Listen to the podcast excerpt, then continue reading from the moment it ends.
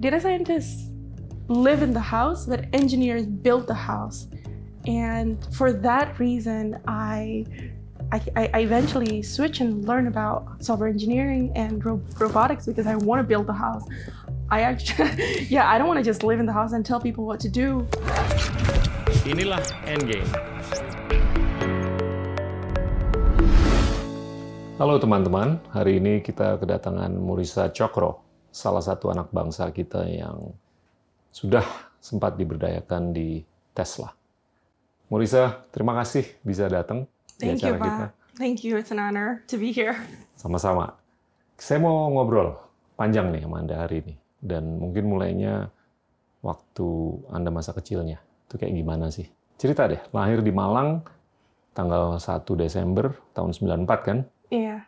Jadi Iya. usianya udah mau 26 ya, mau 27 tahun ini ya. 27 tahun ini. Oke. Iya. Please, tell us. Iya. em, jadi dulu saya gede di Malang sampai umur 13 sebenarnya. Em, so em, aku ada dua siblings. Em, satu adikku yang six years younger than me. Wow. Terus eh, Oke. kakakku tiga tahun lebih tua. Cewek, cowok? Cowok. Oke. Adikku cewek. Oke. Heeh. Nah, itu ya di rumah em, ya sukanya kayak main-main bareng gitu kan dulu karena jauh sama em, karena deket sama Koko tiga tahun mainnya ya kayak tembak-tembakan gitu di luar dulu masih tomboy. kecil iya sih dari Oke. kecil emang em, su- sukanya main sama temennya Koko mungkin ya Oke. Um, terus ya di sekolah, I actually I loved learning since I was a kid. Oke. Um, What in particular? Um, I loved all Apa aja? yeah all subjects. Oke. Uh, in particular, arts actually. I wanted Yang to be a benar. street art Oh, iya? artist. Yeah. Gambar, musik, atau Uh, apa? gambar sebenarnya Oke. karena waktu itu aku ingat uh, dari umur 3 sampai 5 tahun tuh uh, we have a very small house in Malang and um, there's only two bedrooms one bedroom for my parents and then another bedroom for three of Oh, us three kids. Wow. Iya. tapi kayak bang bed gitu Oke. terus um, and I kayak temboknya itu penuh dengan gambaran-gambaranku yang jelek gitu. Dari kecil nggak tahu kenapa kok kok dibolehin gitu ya. Oke. Um, kayak yeah, I just grab a pencil and then just drew everything in like on that wall. Wow. Um, and I've learned yeah, I, I loved uh, art and uh, in particular probably portraits. Jadi ya Orang atau apa? Iya, jadi dari kecil udah kayak gambar mukanya my parents, my siblings gitu. Lebih pakai pensil atau pakai pakai berwarna? pakai pensil. Oke. Ya, dari dulu pengennya kayak uh, I always ask my parents to get me like a painting set, but I actually never never got it until I came to Jakarta and then sekolah di um, yang di sekolah Pelita Harapan and then there was the first time I Itu keputusannya siapa untuk Anda pindah ke Jakarta? Orang Um, tua atau Anda sendiri punya itu inisiatif? it- iya itu orang tua itu sebenarnya Oh, ya? Iya, because Oke. I think uh, mereka tuh mikirnya kalau misal kunci kesuksesan orang itu um, di English uh, Oke. actually Oke. ya and um, aku juga nggak tahu tuh itu dulu kan uh, kelas 8 Ya. saya sekolah di Kolose Santo Yusuf so it's it's one of the most Yeah. probably difficult Yeah. and tedious type of Ya. um, environment ya and um, jadi sekolah di situ benar-benar strict Uh, terus abis itu um, ya udah suatu hari gitu kan mau ke sekolah and then I think my my dad was just like okay today uh, pakai bahasa Jawa ya oh ya hari ini kamu ikut daddy ke Jakarta gitu saya Hah, ngapain gitu kan dikasih warning dikasih, atau no. apa? Am I- Oh, ya? yeah. I'm a very spontaneous person. Oke, I disuruh think. ngepak nggak? enggak, enggak, enggak. Kayak day trip aja gitu ke Jakarta. Iya, yup. Wow. So we, yeah, and then only me and my dad actually went to Jakarta, um, and itu kelas 8, akhir-akhir gitu kan, udah sebenarnya udah dipilih jadi osis, udah Hah. mau masuk kelas unggulan Iya, gitu iya. di Kelas di di Waing. iya. Kita manggilnya kayak Waing, Iya, iya. bimbing gitu di Malang. Um, terus um, yeah, and then we got to Jakarta. There were actually four schools that we tested. Itu dari pagi sampai sore kayaknya. Um, dari apa tuh? Um, And you had no idea. I had no Itu idea. jadwalnya udah ditentuin sama Iya, terus tiba-tiba tes. And I Wow. didn't know what to prepare. So we itu kayaknya dari pertama tuh um, I forgot the school, IPK Oke. gitu-gitu, um, Sekolah Pelita Harapan, and then other two schools I forgot, Binus mungkin gitu-gitu juga kali ya. Oke. Um, All good schools. Iya, um, tapi abis itu um, tes results keluar semua gitu kali, terus um, ya masuk masuk semua, terus padahal I I saw the test and I was like, oh my gosh bahasa Inggris gitu kan, takut setengah mati sih itu. Tapi bisa kan waktu itu. Uh, Iya tapi uh, mereka boleh-bolehin aja sih kayak masuk mat, Oke. iya, so they allowed me Oke. to Toleransinya tinggi ya. Iya, mungkin mereka kayak, oh, I was so confused. I was like, oh, okay. mungkin juga mereka ngeliat history of my uh, nilai-nilai kali ya. Iya, di- iya, iya. Terus, um, terus disuruh milih tiba-tiba kita jalan gitu kan di SPH yang di Karawaci waktu Sorry, itu. sebelumnya pernah ke Jakarta nggak? Jarang. Enggak, Nggak jarang. pernah. Jarang Nggak kayaknya, cuman, jarang? cuman sekali gitu mungkin. Wow, Iya, dua kali. itu udah It was a culture culture shock banget culture kan? shock. Ya, terus lucunya tuh kan eh ya tunggu. Terus habis itu ditanyain kayak, "Oh, so um, sekolah mana nih yang kamu paling suka?" gitu. I mean, I was like di SPK itu kayak ada dua swimming pool and I was like, wah gila. terus terus ada kayak, you know, the resources was kayak were a lot and I was Iya. like, oh, ini nggak apa-apa tak misalnya aku masuk sini. So Iya. that was uh, my response to my to my dad at the Iya. time. It's Dan like, kebetulan Anda suka berenang juga kan? Jadi Ya, begitu ngeliat kolam renang swimming. tuh nentuin banget. Uh, yeah, yeah, tapi um, that wasn't a big, uh, but I was so concerned because I know my parents itu nggak yang gimana kayak kayak banget gitu nggak iya. juga kayak I think I saw their lives itu kayak ngoyoh kerja for uh, the kids Iya. beneran yang kayak um, my my mom kerja salon and then my my dad actually kerja kayak sebagai seorang kontraktor listrik. Terus ya kerjanya you know di um, bahasa Jawanya kayak so, kayak soro gitu. Kayak ngoyoh um, untuk uh, biar anak-anaknya sukses. So bagus. um, so they they don't you know they you know for I think for a lot of people they have like oh yeah I have like 100% of this money 30% for the education of the kids. But for my parents it's more like 95. exactly like 98% probably and then Iya. 2% for Wow, them luar biasa. itu sih yang bikin aku kayak I have to be Iya, able iya. to um Melek terus tuh. ya kayak make them proud sih kayak Terus terus kelas 8 pindah ya, ke pindah ke sini akhirnya kelas 9 Sekolah Pelita Harapan. iya karena Yang di ditanya Karawaci. iya Oke. tapi itu juga bingung kan karena kayak Tinggal sama siapa di Jakarta? um, tinggal uh, ngekos Oh iya? iya Sama orang yang dikenal apa orang yang nggak dikenal? sama anak-anak UPH Yang benar. Iya. Wow. so I was the only SPH kid probably who ngekos with Hmm, uh, di Danau Biru waktu itu. Oke. Ya, and then karena jadi waktu itu sebenarnya mau ditolak deh sama SPH sama headmasternya karena mereka bilang kayak there is no one um, Iya, iya. anak-anak di sini yang Dianggap underage atau apa kan? iya dianggap underage and they were so concerned that I would do something crazy Iya. and then I ended up you know like juvenile kayak bakalan macem-macem gitu um, yeah and that was the first time I was exposed to the kayak independent life probably Iya, at iya. 13 Luar biasa. yeah Luar biasa. Terus gimana tuh? Terus keputusan ke Amerikanya, ke Seattle, itu siapa? Orang tua lagi? iya Oh ya? iya exactly Dari 98% ke 99% tuh. Iya mungkin. No, actually karena um, dapat beasiswa waktu itu. Oke. Jadi dua Well tahun, done. uh, dua tahun. Terus habis itu Umur berapa? um, 15. Oke. Uh, 15, I turned 16, terus langsung berangkat ke Seattle Oke. um, at that time karena waktu itu Koko juga udah di sana kuliah. Oke, di Iya. mana? UW atau di? U, Seattle U. Oke, Seattle. actually. Oke. Yeah, Oke. so um, itu juga um, ber- berkat bantuan banyak orang sih, Oke. um, including my advisor, career advisor at Yang di uh, Jakarta? SPH. Ya, Oh, wow. ya. Oke. Terus gimana tuh transisinya? Malang, Jakarta, Seattle. Um, yeah. Malang Jakarta was the hardest karena I was so scared I didn't pass everything because everything was in English. yeah. um, yeah. Oh, And you then- speak English. Oke sekarang. Karena mungkin tiap hari dijejelin bahasa Inggris. kan? exactly.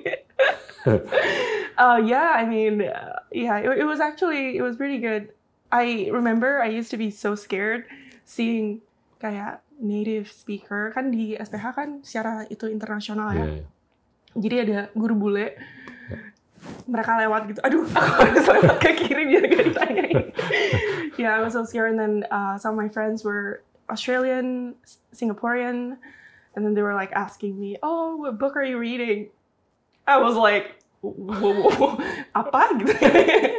so it was it was probably the most struggle in Yeah. PH, but, um, but yeah, for some reason I was able to navigate it. I don't know how. Um, tapi uh, berdoa terus kayak mungkin waktu itu because I was like, okay, um, that was the point in my life where I I probably embraced my Yeah. strength more in science because kalau Hmm. mat- matematika ya cuma nomor-nomor aja gitu kan.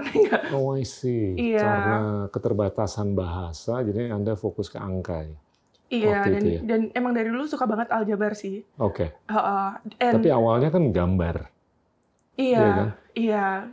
Pengennya masuk arts emang, tapi my parents saw that I- my strength in Iya, iya. math and science, and then they were like, "You, Ya. you should consider this computer sciences and engineering field for Oke. career." Lebih gitu sih. Oke. Um, Iya, Terus di Seattle sama kakak, ya kan? Jadi tinggal sama-sama dia lah. iya, iya, Terus setelah dua tahun ya di sana ya, iya. pindah. Oh, actually, it was a year di Seattle cuma setahun. Oke. Terus akhirnya pindah ke Georgia Tech, Ya, uh, pindah ke Atlanta. Ya, itu menarik juga tuh ceritanya. Tell us, Iya. gimana? So di um, so karena di Seattle tuh waktu itu perginya ke fast track. Oke. Uh, fast track tuh yang uh, yeah, you you probably know it was in college, Ya. a two-year institution college. Uh-uh. Tapi waktu itu aku cuma ngambil setahun because I ya nggak tahu kenapa cepet gitu.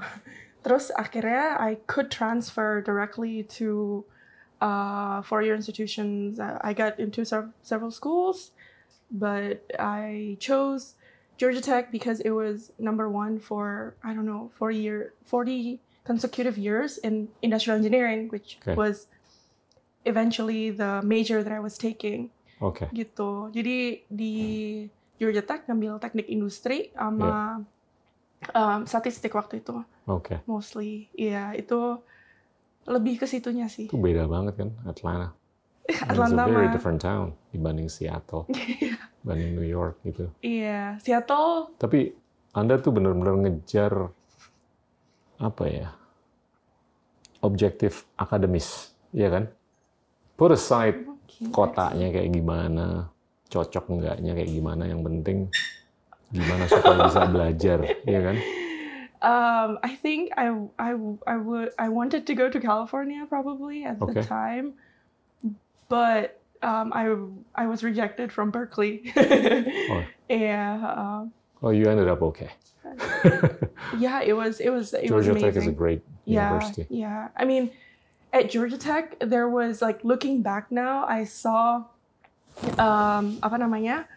I saw, uh, that there was a health humanitarian system Yeah. centers, and my passion was a lot in Yeah. social humanitarian. Yeah.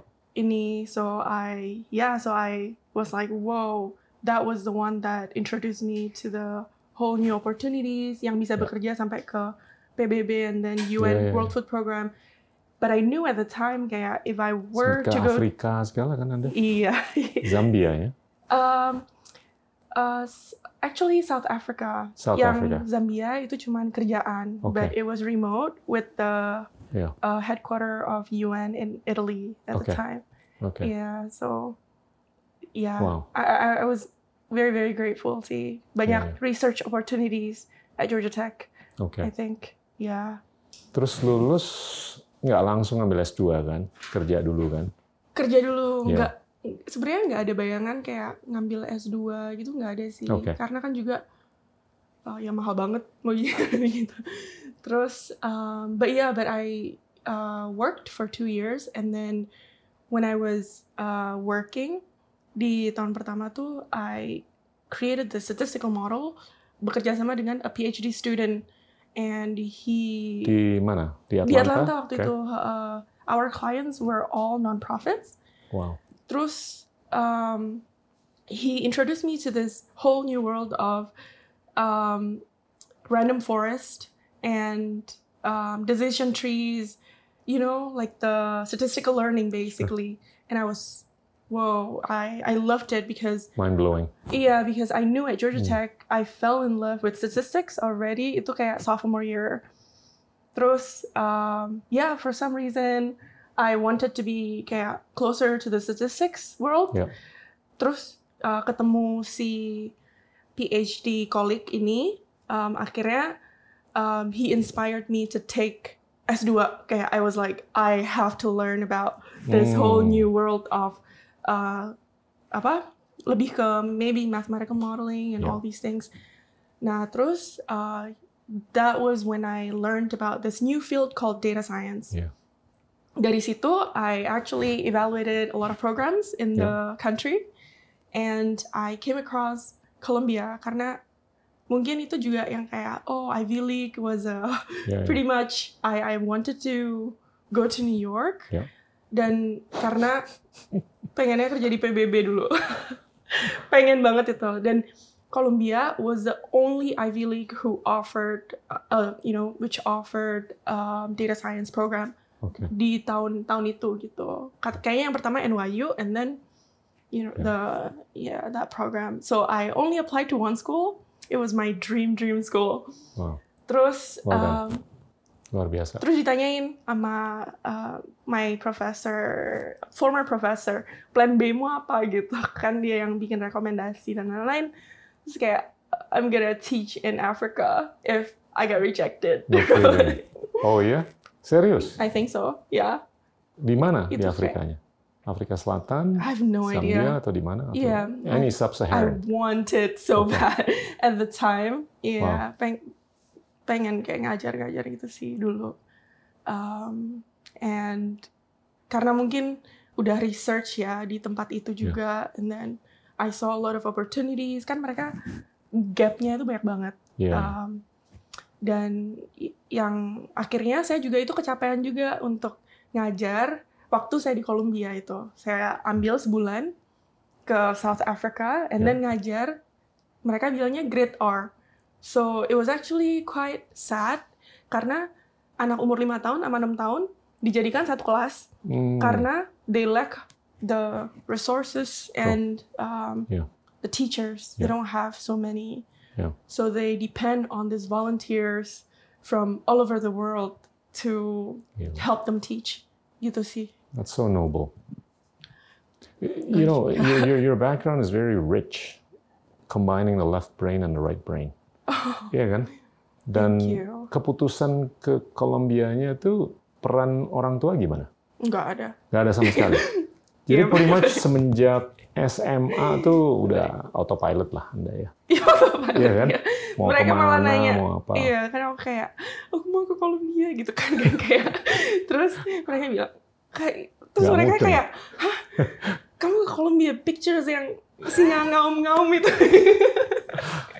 Nah. you know what I mean, Yeah, yeah, the yeah. Hollywood.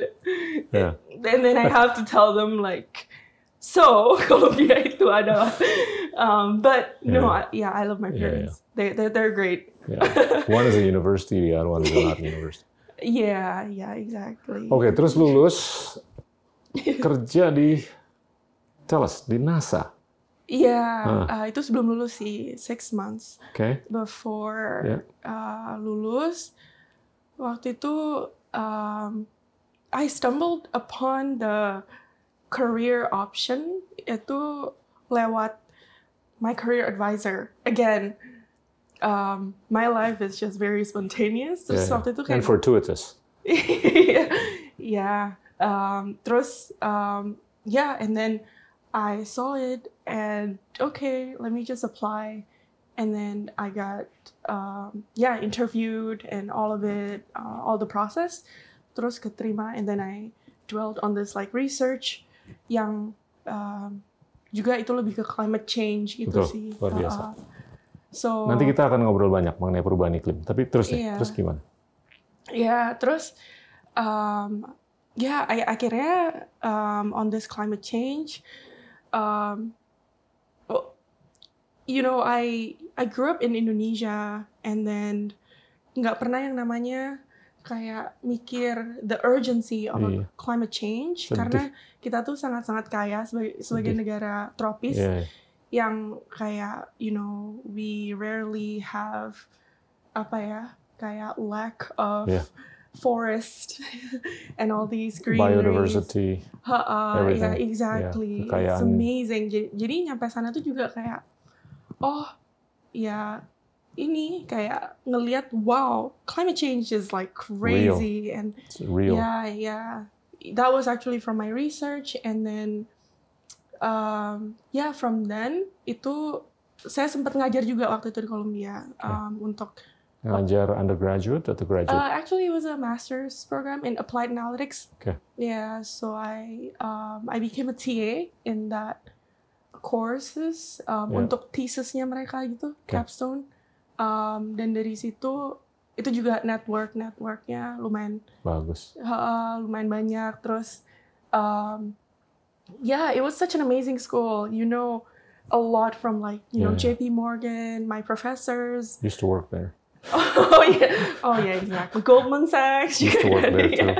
yeah um, yeah so my professors were amazing they Yeah. were the ones who again itu kayak uh, saya mungkin kayak jatuh cinta sih itu sama the Yeah. the whole field of um, machine learning waktu itu Nah itu nggak nggak tertarik dengan investment banking. nah Just by by By by, way of the names that you've mentioned. Gitu. Anda waktu lulus itu nggak tertarik untuk bekerja di investment bank. nah sebenarnya saya mikirnya uh, Karena kan Bingung orang-orang yang di sana kan dari Iya. nama-nama yang tadi disebut tuh kan. ya apalagi New York Iya, the lure is Yeah. inevitable. the capital of finance in the world Yeah. kan so I took computer science and finance when I Okay. was at Columbia Oke. terus ngantuk so Oke. kita ngomongin tentang blockchain uh, di, Oke. nilai saya lumayan uh, yeah I think I got an A plus Ini tahun 2017-18 kan? 16 jul- 16 sampai 18 itu Ya, ya 16. 16 sampai 17 Oke. heeh. tapi itu iya saya merasa nggak terlalu tertarik ke sana nggak Ha, itu aja ya. iya Nggak klop. iya saya Oke. mikirnya uh, ini Pak Gita dari finance jadi mungkin saya bisa belajar banyak Udah juga lama saya udah nggak di Iya, finance tapi lagi. saya merasa kayak if I want to make a huge impact in the world, itu I don't know how finance could Yeah. um I I couldn't see that. Yeah. Jadi saya sempat You can say that again. saya saya sebenarnya ditawarin uh, I had a full time offer from Two Sigma, Ya. uh, sebuah hedge Hedge fund. fund di New Hmm. York. Tapi ya itu ada Tesla, ada Two Sigma waktu itu. Terus uh, mentor saya, saya punya mentor di New Jersey, um, dia bilang kayak uh, when you work, you probably want to not just love your team and what you work, your ini your role, but also the mission of the company. And Purpose.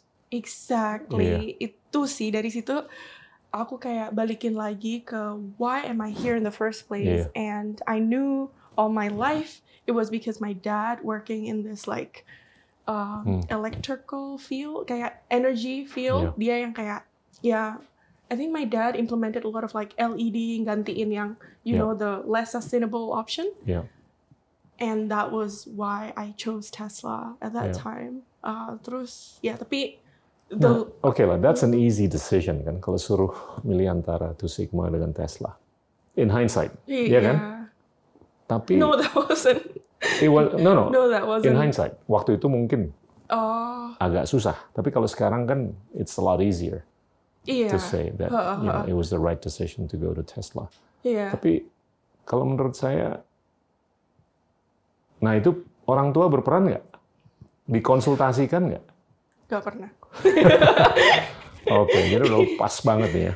Menarik, menarik. um, Dan dan lucunya yang saya dengar Anda tuh kerjanya part time padahal di awal waktu di Tesla. Oh, Iya kan? actually it was internship, Uh, full time. hourly basis Iya. dan segalanya Iya. gitu kan. Iya. Which is not very assuring kan Iya. dibandingkan yang satunya kan. Iya, benar. Iya kan? Iya. Tapi you had that purpose of wanting to make a difference. Iya. Iya kan? Iya. You wanna make the planet, you know, a better planet. Iya Supaya sih. kita nggak emisi karbon seperti Iya. sebelum-sebelumnya. Iya, itu Iya kan? juga ada. Terus juga kalau misal kayak oh, kalau nantinya misal balik Indo, misal Iya, uh, I wanted to help my parents. Iya. Mungkin ini a more viable option than Iya. if I go to finance. Mungkin gitu juga sih. iya. Nah itu kan Anda udah melakukan beberapa pekerjaan kan sebelum Anda join dengan Tesla. You did stuff on climate change, you taught di Afrika, terus macam-macam lah, ya kan? Nah itu menurut Anda tuh berkorelasi nggak dengan kristalisasi purpose untuk bekerja di Tesla? Mungkin ketika saya udah ini udah tiga tahun Iya. lebih di Tesla, um, saya ngelihat balik itu ternyata kok ada titik-titik di mana saya selalu berkontribusi ke Iya. iklim gitu sih. Iya. Waktu dulu dua tahun setelah S1 saya Iya. kerjanya um, so our clients were all nonprofits, Iya. but I was assigned Sierra Club as my client where I eventually became a lead analyst for that project. Oke, Then Sierra Club is actually the largest environmental nonprofit organization in the US. wow, Jadi itu Nolong. uh, iya ngebuka Nolong mata saya kayak oh orang-orang tuh bikin monumen-monumen di sini Iya, and then we created some type of like marketing system Hmm. um, untuk donor-donor donor-donor and members.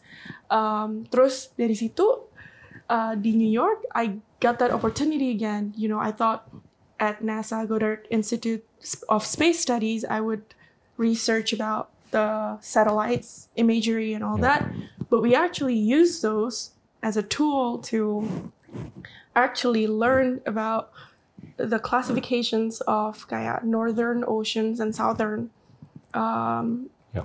northern Atlantic and southern ocean.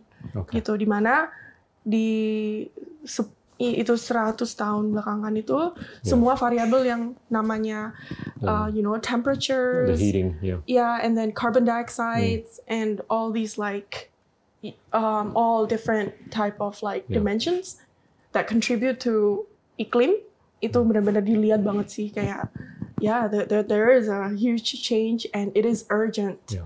Ha-ha. ya jadi waktu itu benar-benar kayak oh oke tapi saya nggak ngeh belum ngeh waktu itu terus akhirnya di Tesla and then ini sih akhirnya when I connected the dots Hmm. looking backward I saw Hmm, some somebody said that so yeah you can only some connect the dots after, oh yeah not before. exactly Yeah. ya Steve Jobs Yeah, yeah. itu sih lebih gitu tapi um yeah my overall goal I think I always wanted to maybe make the world a bet- better place like a, whether Bagus. it's sustainability or humanitarian or equality but kayak Iya. socio-economic equality kayak pengen banget sih lebih Anda tuh bisa menjadi inspirasi untuk banyak anak-anak muda di Indonesia.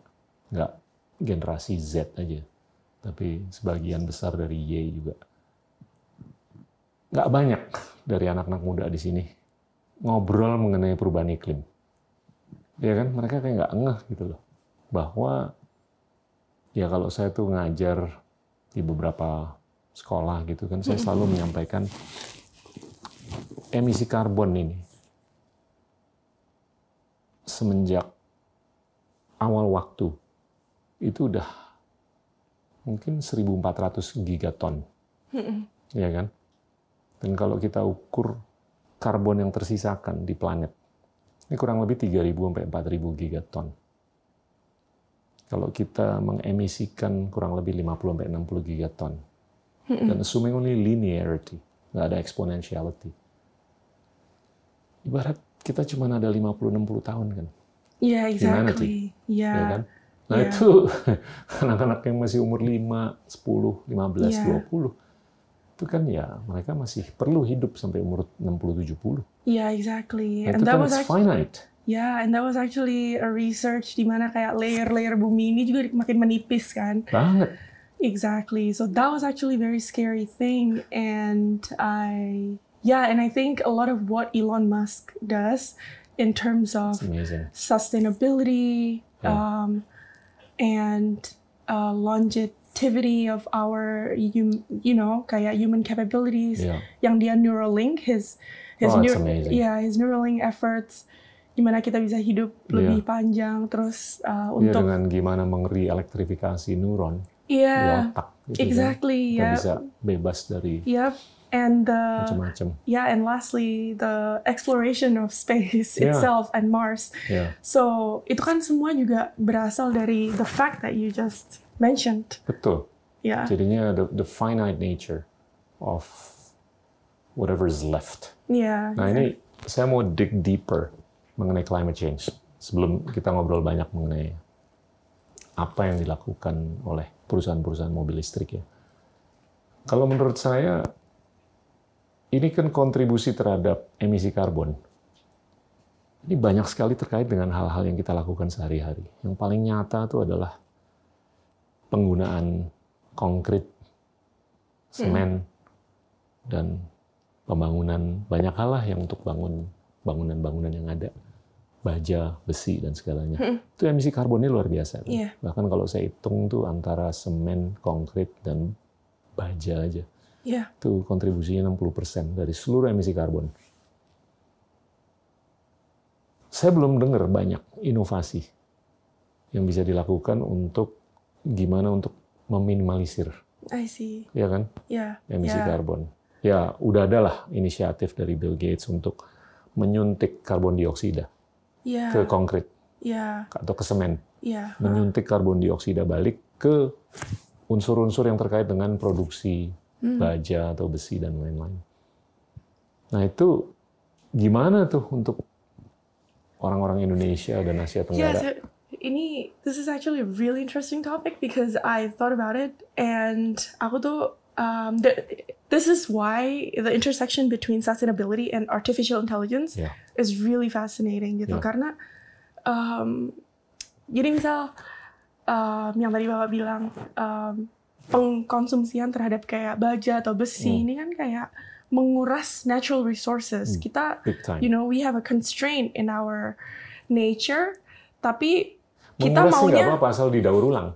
iya Ini sih kan nggak terdaur nggak ulang. terdaur ulang nah sam ini aku uh, sama halnya nih dengan yang um, invention back in the days when there's you know this con- this concept of Eiffel Tower Ya. Jadi itu tuh orang kan dulu mikirnya kalau misal Wow. mau membuat Hmm. konstruksi yang sangat tinggi, sangat kuat, sangat itu harus punya fondasi yang benar-benar uh, kuat pakai baja. Uh, ini kan semuanya kan. Iya. Tapi uh, aku lupa tuh siapa yang ngebuat uh, the, the, the French.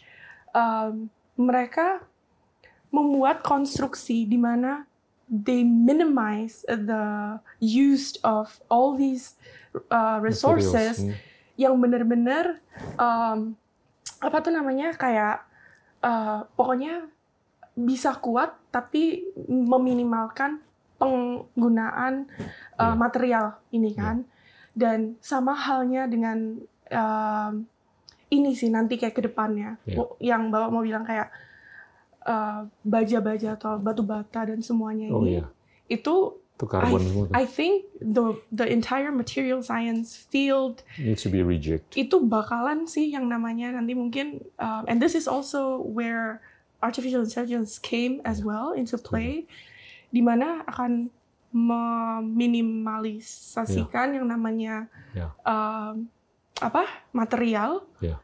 untuk misal membangun rumah gitu Ya. jadi bayangin aja yang tadinya kayak uh, yang Eiffel Tower Ya. yang sekarang itu bayangin kayak batu-batu ini mungkin Iya. s- maybe in 50 years we can't even see that anymore. Iya. Kayak we don't know but Iya. we actually live in a house. Betul. Itu mungkin menurut saya pasti bakal terjadi sih Mungkin kayak banget. kayak yang tadi Bapak Iya. bilang kan ok- oksida gitu. uh, Iya, arahnya sih udah ke sana, tapi saya whole thing. pemikirannya untuk Indonesia ke depan. Gimana untuk kita lebih bisa scale up. Bukan hanya penggunaannya, tapi pembuatannya. The Iya kan? production of Ya, ada, Materials. ada it's a subtle line kan antara kita mengkonsumsi sama kita memproduksi apa yang kita konsumsi. Ya kan? Nah, saya ngelihat ini perlu edukasi secara masif. iya exactly Iya kan? exactly Kalau di Amerika ngomong kayak begini mungkin udah lebih commonplace. Di Jerman, di Tiongkok, Korea Selatan, Jepang udah commonplace. Tapi kalau di Indonesia tuh masih perlu ditingkatkan. Nah, saya mau tarik nih ke artificial intelligence since you brought it up, ya kan? Kita udah melewati beberapa fase pemberdayaan artificial intelligence Mm-mm. dari fase bisnis, internet, ke fisik, sekarang otonomi kan, Mm-mm. yang sangat diaplikasikan in your day to day, you know, work or employment. Ini gimana nih ke depannya menurut Anda kecerdasan artifisial? Um, I think um, it's always going to evolve and push the boundaries of what we have today. Oke. Itu udah pasti. Dan um, misal sekarang yang namanya perangkat ka- keras ya, uh, hardware, Ya. um, itu kan um, semuanya sekarang kayak gimana caranya bisa untuk transportasi dunia transportasi belum ada nih yang namanya level 5 Ya. Uh, yang level 4 aja Ya, itu uh, level 4. ya. Google Waymo, Yeah. the, the, the, uh, the, the max that we have today. Yeah. Dan karena kita punya ter- keterbatasan untuk hardware itself, um, untuk ke level yang lebih atas gitu. Jadi um, ke depannya ya aku ngeliat kayak semua hardware ini bukan cuman bakalan ada, tapi it will be easily accessible and it, will be much cheaper than what we have today. Seperti halnya kayak HP dulu, Iya. yang pager Oh. gede-gede, terus Iya. um, Anda akhirnya belum lahir mungkin dulu. Iya. Gede batu bata dulu. Itu untuk mukul orang bisa tuh. Oh. Bisa ditimpuk. Pak kita di Amerik dulu pakai iya itu. dulu yang Motorola yang pertama keluar kan itu segede segini tuh.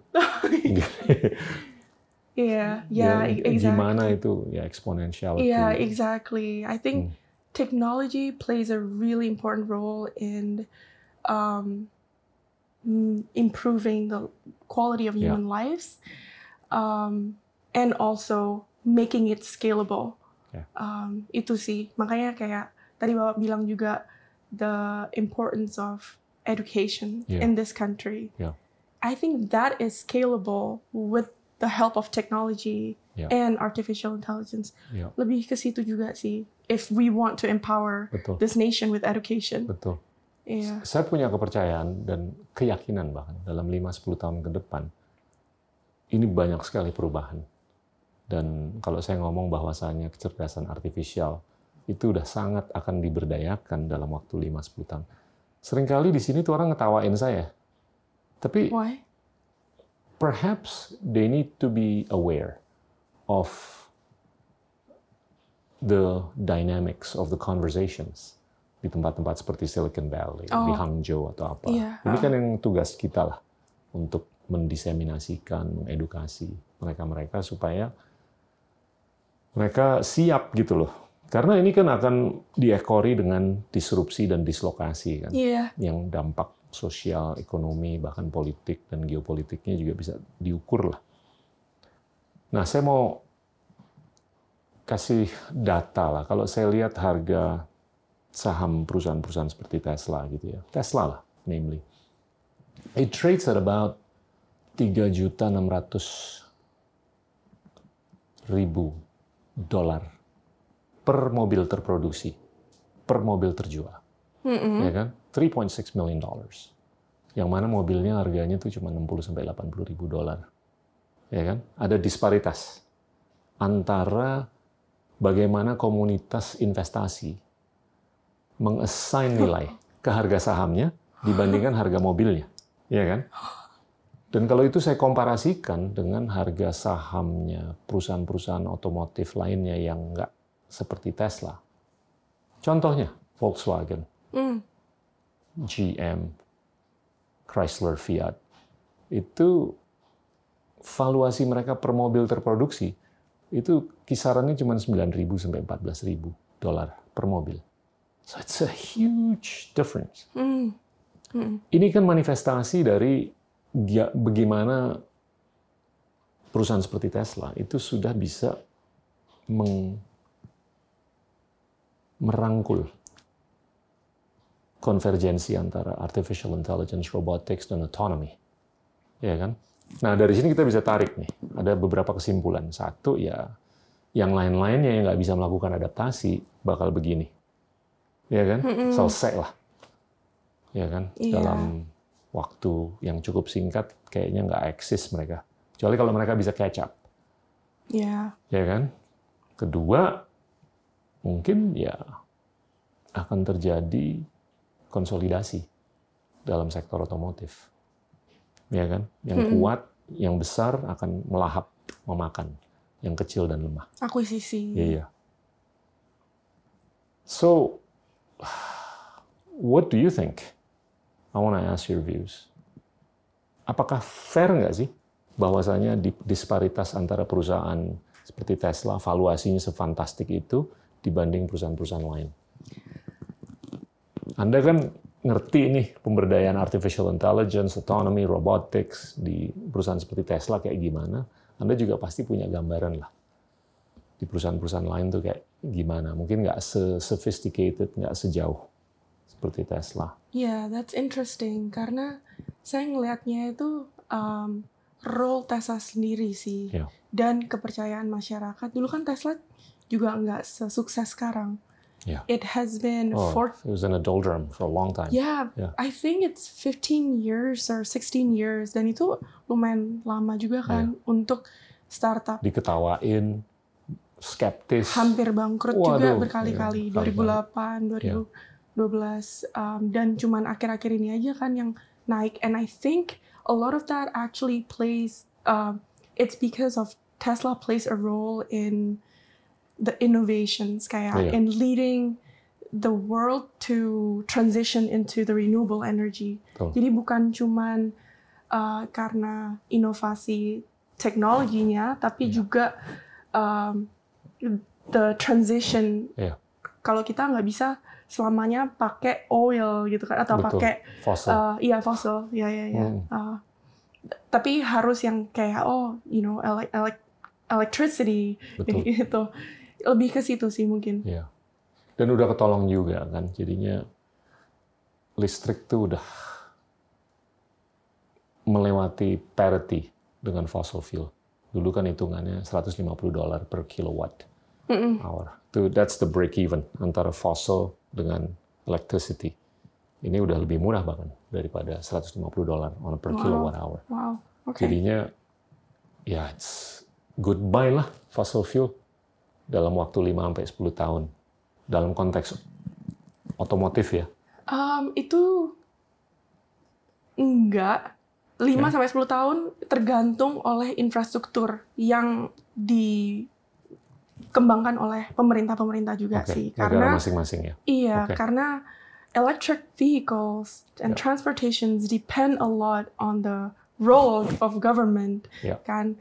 Dan di Amerika di mana-mana itu juga mereka karena ini value yang sangat penting, jadi mereka memiliki yang namanya kayak subsidi Betul. biar in, uh, incentivize Ya. the masyarakat untuk membeli electric vehicles Ya. gitu. Dan of course there's also a role to develop the infrastructure around it. Kayak kalau misal mau jalan Yeah. dari San Francisco ke New York Yeah. tanpa balik lagi rumah, itu kan juga harus dipikirin semua. And I think? Iya, dan 5 sampai 10 tahun dari sekarang bisa kalau infrastrukturnya udah in place. But Iya, if the infrastructure is not in place yet, iya, iya. the you know, we will always depend on fossil fuels and all these like non-renewable energy for transportations. Lebih ke situ sih kayaknya. Saya ngelihat mungkin 5 sampai 10 tahun lagi tuh penjualan mobil listrik Mm-mm. Udah 40 sampai 50 persen dari total penjualan. Bisa, iya, Iya kan? iya, Dan apalagi kalau otonomi itu udah benar-benar pervasive. iya. Mungkin that includes Penjualan the mobil hybrid. totalnya akan berkurang drastis. Karena penggunaan mobil itu kan cuma 5 persen. 95 persennya kan ditaruh di garasi atau supir parkir aja di depan, nggak jalan kan. Nah kalau otonomi itu udah udah bener-bener nyata Iya. dalam kehidupan sehari-hari, demand untuk mobil tuh udah nggak seperti dulu. Karena udah ya subscription model aja. Kita tinggal pencet, dup, saya maunya model ini, warna ini, dalam lima menit udah nangkring di depan rumah. Iya. Ya kan? So you don't need to buy a car. It's like Netflix. Dan saya nggak ngelihat adanya kebutuhan produksi How is it related to Netflix? Uh, Netflix is a subscription model, right? Oh, It's it's movie upon okay, demand. Iya, iya, uh, So it's car upon demand. iya. But Dulu you kan still have to have the TV though. You still have to have the monitor. This is the TV. Oh, okay, kan? okay, okay. Iya kan? Ya kayak mesen makanan lewat aplikasi yang ada kan di sini.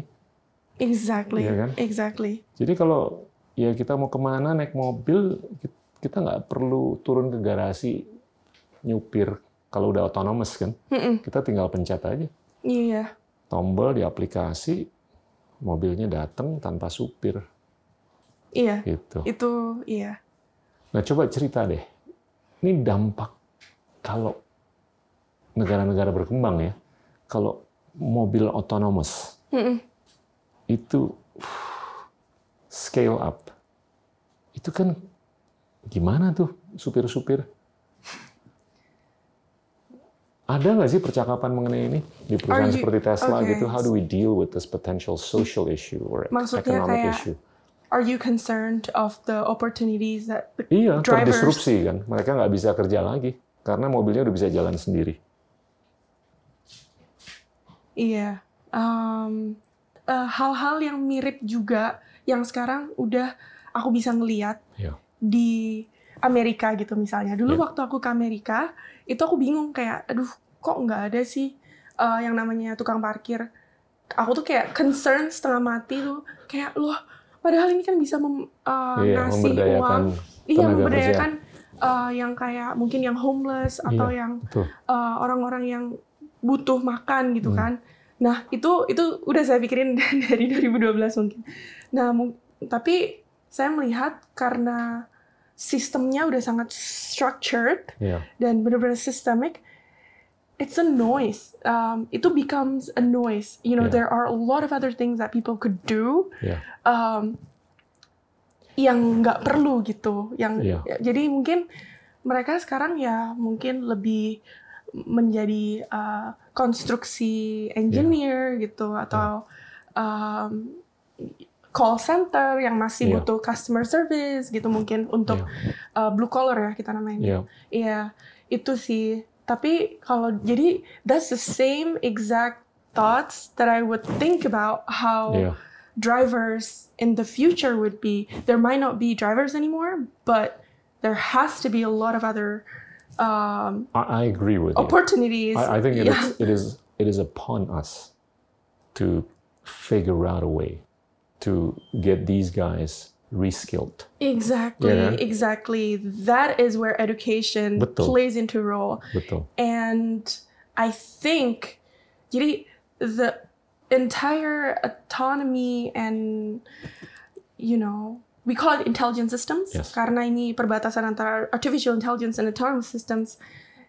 This is um, actually important karena di dalam dunia trans- uh, transportasi and Yeah. autonomous cars because there has been research and studies Hmm. yang bilang kalau misal in the world there you know 1 to 1.5 millions of people died every year Iya, because dan kebanyakan dari itu rear end kan reckless driving. exactly Hmm. reckless driving and stuff but imagine if there is Yeah. actually a car with a you know kayak eight cameras there's Yeah. eight kayak four pairs of eyes not just Betul. one pair Iya. terus yang kayak Bisa dinaikin ke 16 kalau perlu. exactly Iya. and um, dan sekarang they already use ultrasonic um, and they use radar and lidar jadi radar itu yang Iya. radio waves lidar yang light imager imaging yang lebih ke ini ya uh, apa uh, lighting beams Iya.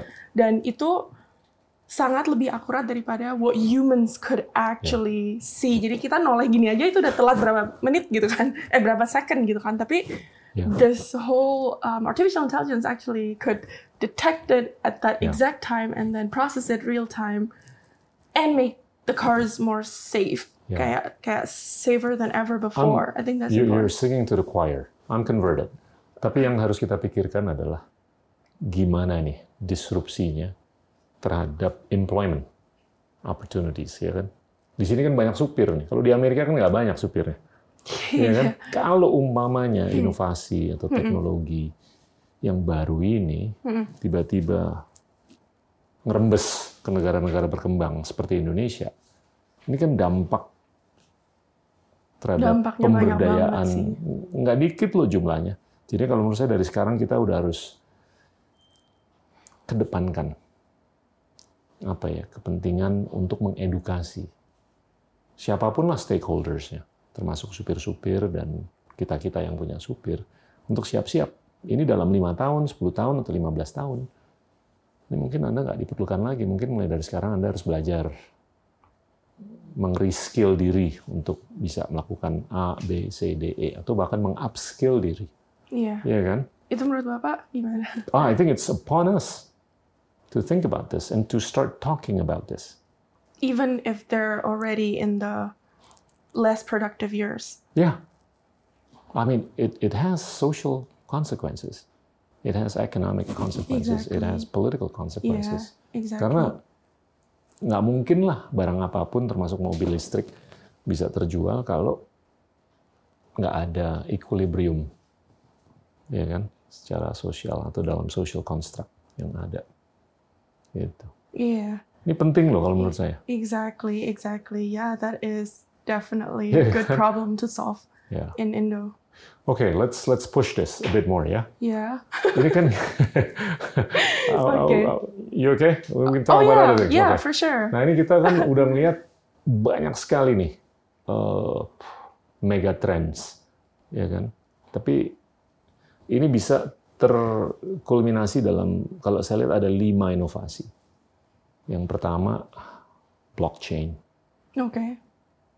kedua artificial intelligence, yang ketiga genomics, keempat energy storage, kelima robotics. Ya kan? Pick one out of the five or two out of the five, then let's drill down on these. AI and robotics. Oke, Yeah. gimana? Cerita deh. What was the question again? For Dari lima inovasi ini yang disruptif sekali, saya mau ngobrol lebih panjang. gotcha. Okay, yang Ya kan? currently very disruptive. Iya. Bukan cuman historinya, tapi nanti ke depannya juga ya. Iya. Iya, itu Karena nanti saya mau tarik nih ke Indonesia ke depannya kayak gimana. Karena kalau Oke. ini inovasi atau lima inovasi yang sangat disruptif ini Iya, iya, iya. udah menjadi percakapan sehari-hari di negara Iya. maju, nggak ada alasan kan untuk mereka nggak menjadi percakapan sehari-hari di negara berkembang kan, seperti Iya, Indonesia. Iya. Alangkah baiknya kalau kita bisa bercakap dan merangkul dan mengaplikasikan, ya kan, Iya. Iya. supaya kita bisa lebih keren gitu loh, ya kan? Ujung-ujungnya ke situ kan. Oke, you pick robotics. Iya, iya. Talk about this. Yeah, I think kayak so okay, this actually goes back to what you mentioned earlier. You know, how can we think about um, pemberdayaan drivers Ya. di Indo dan gimana nanti uh, kesempatan mereka. Itu tuh sebenarnya banyak um, the the Uber, the AI industry yang uh, aplikasinya kan itu Ya. juga menggunakan machine learning and optimizations. Ya. Um, itu they disrupt the entire taxi industries kan Ya. yang kayak sekarang taksi-taksi driver mau ke mana Ya. they eventually go become Uber drivers Ya. probably majority of them um, dan ini sih aku ngelihatnya ke depan um, we will push even uh, we will push that even further you know that first kita udah nggak ngelihat yang namanya drivers lagi I I think probably that's in 10 maybe Yes, 10 I think years yeah US, probably yeah. sekarang aja saya sebenarnya udah ngelihat di Indo itu udah bisa dipakai di jalan tol Iya, with the current otonomi kan. state what we have. Yeah. Jadi otonomi itu ada uh, enam level. Yeah. Um, level zero through level five. Um, in the state of kayak misal kita bilangnya cars, uh, yang level nol itu you know you need the entire humans Orang. to make decisions. Human is a sole decision maker. Terus kalau misal level satunya itu kayak adaptive cruise control. So you only care about the longitudinal um, control. Um, terus yang kayak oke ini set cruise ke 70 mph gitu. Terus kita kayak di jalan tol Ya. itu itu udah bisa kan? Udah, And dari tahun 80-an udah bisa tuh. Yeah, yeah. And level two actually um, di mana um, kita ditambahin nih yang namanya lateral control. Jadi yang namanya lane keeping itu L2 itu jadi kita bisa kalau misal jalan tolnya kayak gini, oke kita bisa lah sekarang kayak gini. Nah, itu level 2. Uh, level 3 nambahin tuh yang namanya sensor-sensor yang Ya. kamera itu lebih kayak mungkin nggak terlalu beda yang namanya antara level 2 sama level 3 tapi lebih akurat level 3 Hmm. gitu. Dan di Amerika sekarang there's already a lot of use cases in L3. Um, for L4 yang namanya uh, level autonomy L4 itu sebenarnya udah nggak perlu lagi yang namanya uh, human intervention tuh harus diminimalisir kan ya, yang Iya, namanya iya, tidur. Heeh, Hmm. yang bisa tidur di tapi itu berarti kita udah nggak usah yang brake akselerasi sama setir itu kalau bisa dihilangkan semua gitu kan Hmm. nah itulah yang uh, sekarang uh, tapi karena ada human untuk jaga-jaga safety we have it and we still have L4 tapi L5 we don't have any of it kita nggak ada steer brake Hmm. dan uh, steer lagi kan dan ketika udah nggak ada Cuman itu screen aja ya. iya mungkin Ya, ya screen mau aku mau jalan dari ini apa. ke Oh. sini gitu Iya. iya dan ketika kita udah di L5 nggak perlu lagi dong yang namanya Hmm. drivers and I think that will be very disruptive Iya. in the future kayak um, udah ada Dan sekarang bisa voice activated nggak? Kalau level 5? Eh, mobil, Bisa. tolong dong kurangin kecepatan dari 83 iya itu itu iya 70. iya iya Bisa tuh begitu. ya Kayak har- Alexa aja. harusnya ya heeh, Ya iya iya Heeh, Hmm. iya itu itu problem beda lagi itu Oke. itu problemnya Bisa nggak? Eh, mobil, tolong dong ngeremnya jangan terlalu sering. Gue nggak bisa tidur nih. iya iya Bisa gitu-gituin. Itu apa L6, level 6? enggak enggak itu, Itu masih level 5? nah ini autonomous itu cuman terhadap sistemnya aja Iya. sistem kontrolnya aja Hmm. jadi nggak perlu uh, brake akselerasi atau steer gitu Oke. Ha-ha. Gimana untuk bisa tapi interaksinya tuh lewat voice? nah nah itu kan ini, keren tuh. ini itu problem yang beda lagi yang kita namain sebagai conversational AI Hmm. dan conversational AI doesn't have to be dependent on cars it can be applied as an addition to application of autonomous Betul. systems di mana sekarang kita udah ngelihat kayak Alexa Google Home Iya. itu udah uh, lebih ke ini kan kayak Iya. matiin lampu dong gitu. Matiin lampu, tolong pesenin pizza dong. Iya, Iya exactly. And this is also ini problem lagi yang sekarang masih gencar-gencarnya karena conversational AI yang sekarang itu cuman sebatas kayak aku kedinginan nih, tolong matiin gitu. Tapi nantinya itu bakalan bisa curhat nanti kalau gitu kan. Enak aja lu. Masa lu mau diturunin lagi temperaturnya? Bisa jawab gitu lagi komputer. Iya, iya kayaknya. Nah, terus? ini udah dingin nih, nanti bisa hipotermia gitu kan ya. Uh, apa?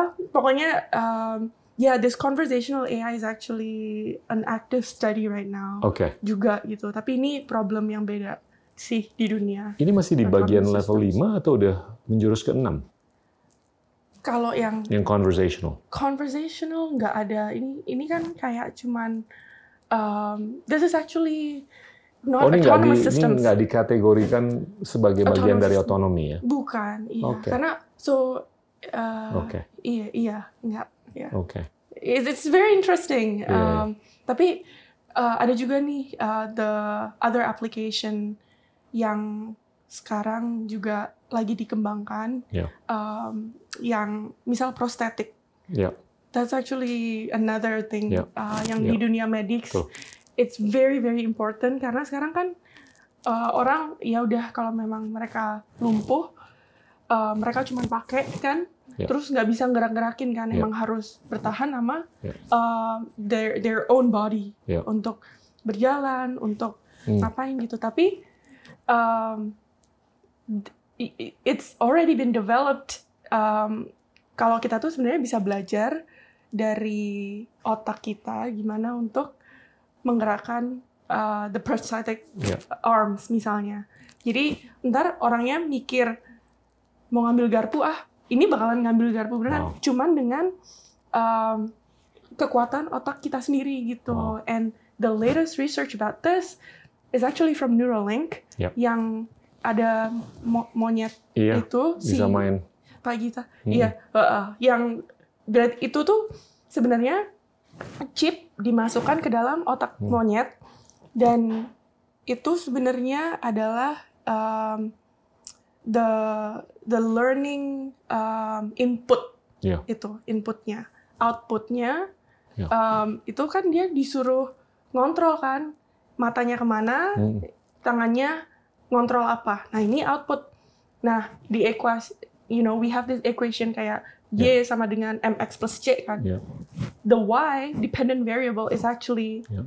yang monyet ini, and the X was actually the chip, uh, data-data yang masuk ke chipnya gitu. Nah, terus udah itu diambil, ya kan? Terus dimasukin ke mesin, and then they created this statistical models or Ya. whatever itu namanya deep learning ini udah udah Yeah, nggak bisa sure. lagi yang namanya statistical Hmm. learning.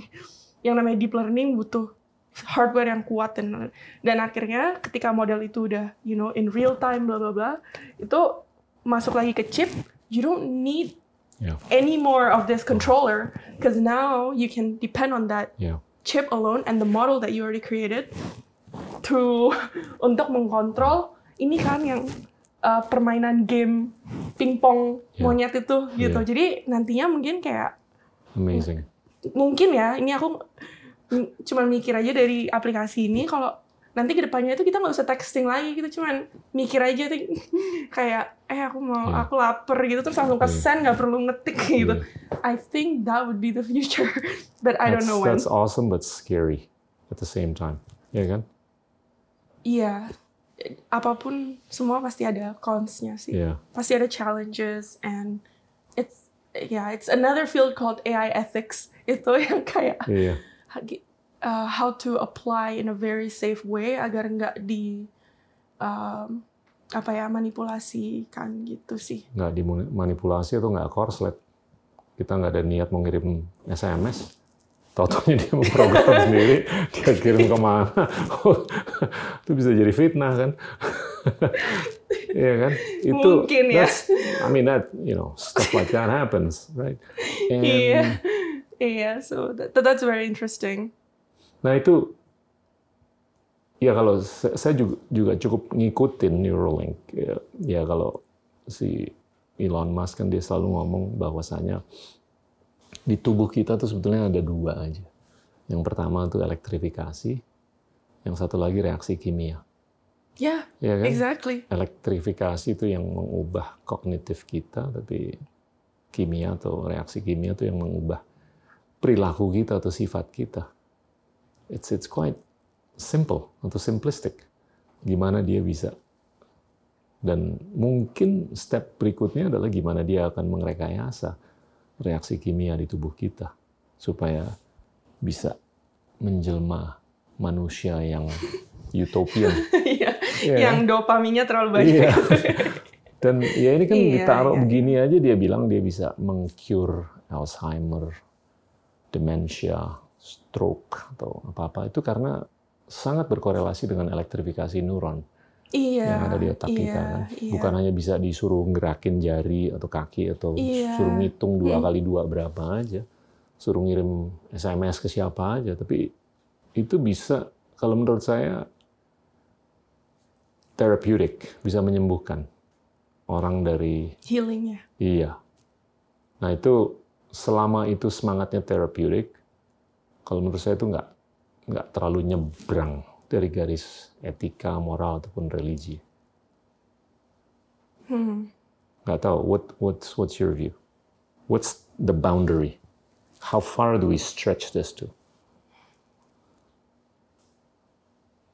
Sebenarnya saya mikir uh, kenapa dia bisa bilang gitu karena itu emang benar dalam dunia yang kita kerjain sekarang autonomous systems atau mungkin Neuralink Ya. itu cuman emang butuh dua. We only need the brain and the motors kan yang menggerakkan gitu. Hmm. Yang the brains itu emang yang activation kan ada yang activation functions Ya. sigma atau apa-apa gitu. Iya. Um, dan um, itu yang bisa ngebuat itu yang tadi uh, personality orang yang tadi Pak Gita bilang dan um, kalau misal yang motor ya ng- ngapain gitu kan mengkontrol sekitar kita mungkin saya takutnya tuh cuman yang um, ini ada di otak kita tuh kan bukan cuman kayak cognitive functions Iya. but emotional Iya. too and if we just replace that entire thing kayak um, tanpa uh, dengan meremehkan yang namanya our emotional capabilities, I Yeah. think that will be very bad, and that's Yeah. where the ethics of AI need to come to place. Jadi aku pernah uh, baca studi um, in 1940s, 1930s, there was a study atau ini Nobel Prize winner loh, um, yang menemukan uh, kalau kalau misal orang itu kan um, kalau orang depresi atau apa itu kan ke you know that there are certain areas in the brain Iya. especially I think maybe the temporal lobe mungkin um, yang bisa di uh, Iya. surgery gitu dan dia Bisa melakukan yang namanya Iya. lobotomy Hmm. and you know this this Yeah, used to be very popular yeah it decades was ago. exactly it was very popular sampai dia menangin uh, the Yeah. awards and Nobel Prize dan orang-orang semuanya kayak oh wow this is awesome terus mereka kayak oke karena ini bisa menyembuhkan anxiety Yeah. mental illness kita lakukan semua itu eh ternyata di 1950 udah 1960 that was the worst thing humanity could Absolutely. ever You should see this movie see. called One Flew Over the Cuckoo's Nest. oh oke aku It's Jack belum Nicholson. It's a classic. oke ah, It's, it's, it's, it's a manifestation of what you've just described. oke How lobotomy basically got mishandled. Iya, iya dan Gitu. dari situ orangnya udah nggak ada yang namanya um, ini kan apa? The, uh, they, they, they can't even function as human anymore karena uh, emosinya udah hilang Iya. gitu. Uh, Hmm. Dan iya, and I think It, this it actually dehumanizes. dehumanizes. But you know, actually, that study was um, kayak one of the foundation of it was because of philosophical thinking yang Yeah. orang-orang um, I don't know if it was like Plato atau Stoic even kayak they they they you know they emphasize on this uh, saying that um, apa um, reasoning Yeah. is the the apa sih itu reasoning is the fruits of all um, kayak decision making atau apa gitu yang uh, yang membuat kayak um, Or decision making is the fruit of all reasoning. um, lupa exact quote-nya sih. Oke. Iya, tapi um, kayak there is an underscoring in the role of reasoning, Yeah. but not emotions. I see. Jadi kalau orang, Yeah. jadi that's very sekarang yang sampai ke modern type of Yeah. thinking, orang-orang mikirnya kalau oh ya if you're too emotional kayak Akal di atas hati. iya gitu, itu atau hati di atas akal ya. Kalau Akal yang lebih diprioritaskan Iya. daripada uh, uh, hati. uh. Nah, kalau Iya kan? misal you're too emotional, you can't make a good decision, Iya, gitu kan?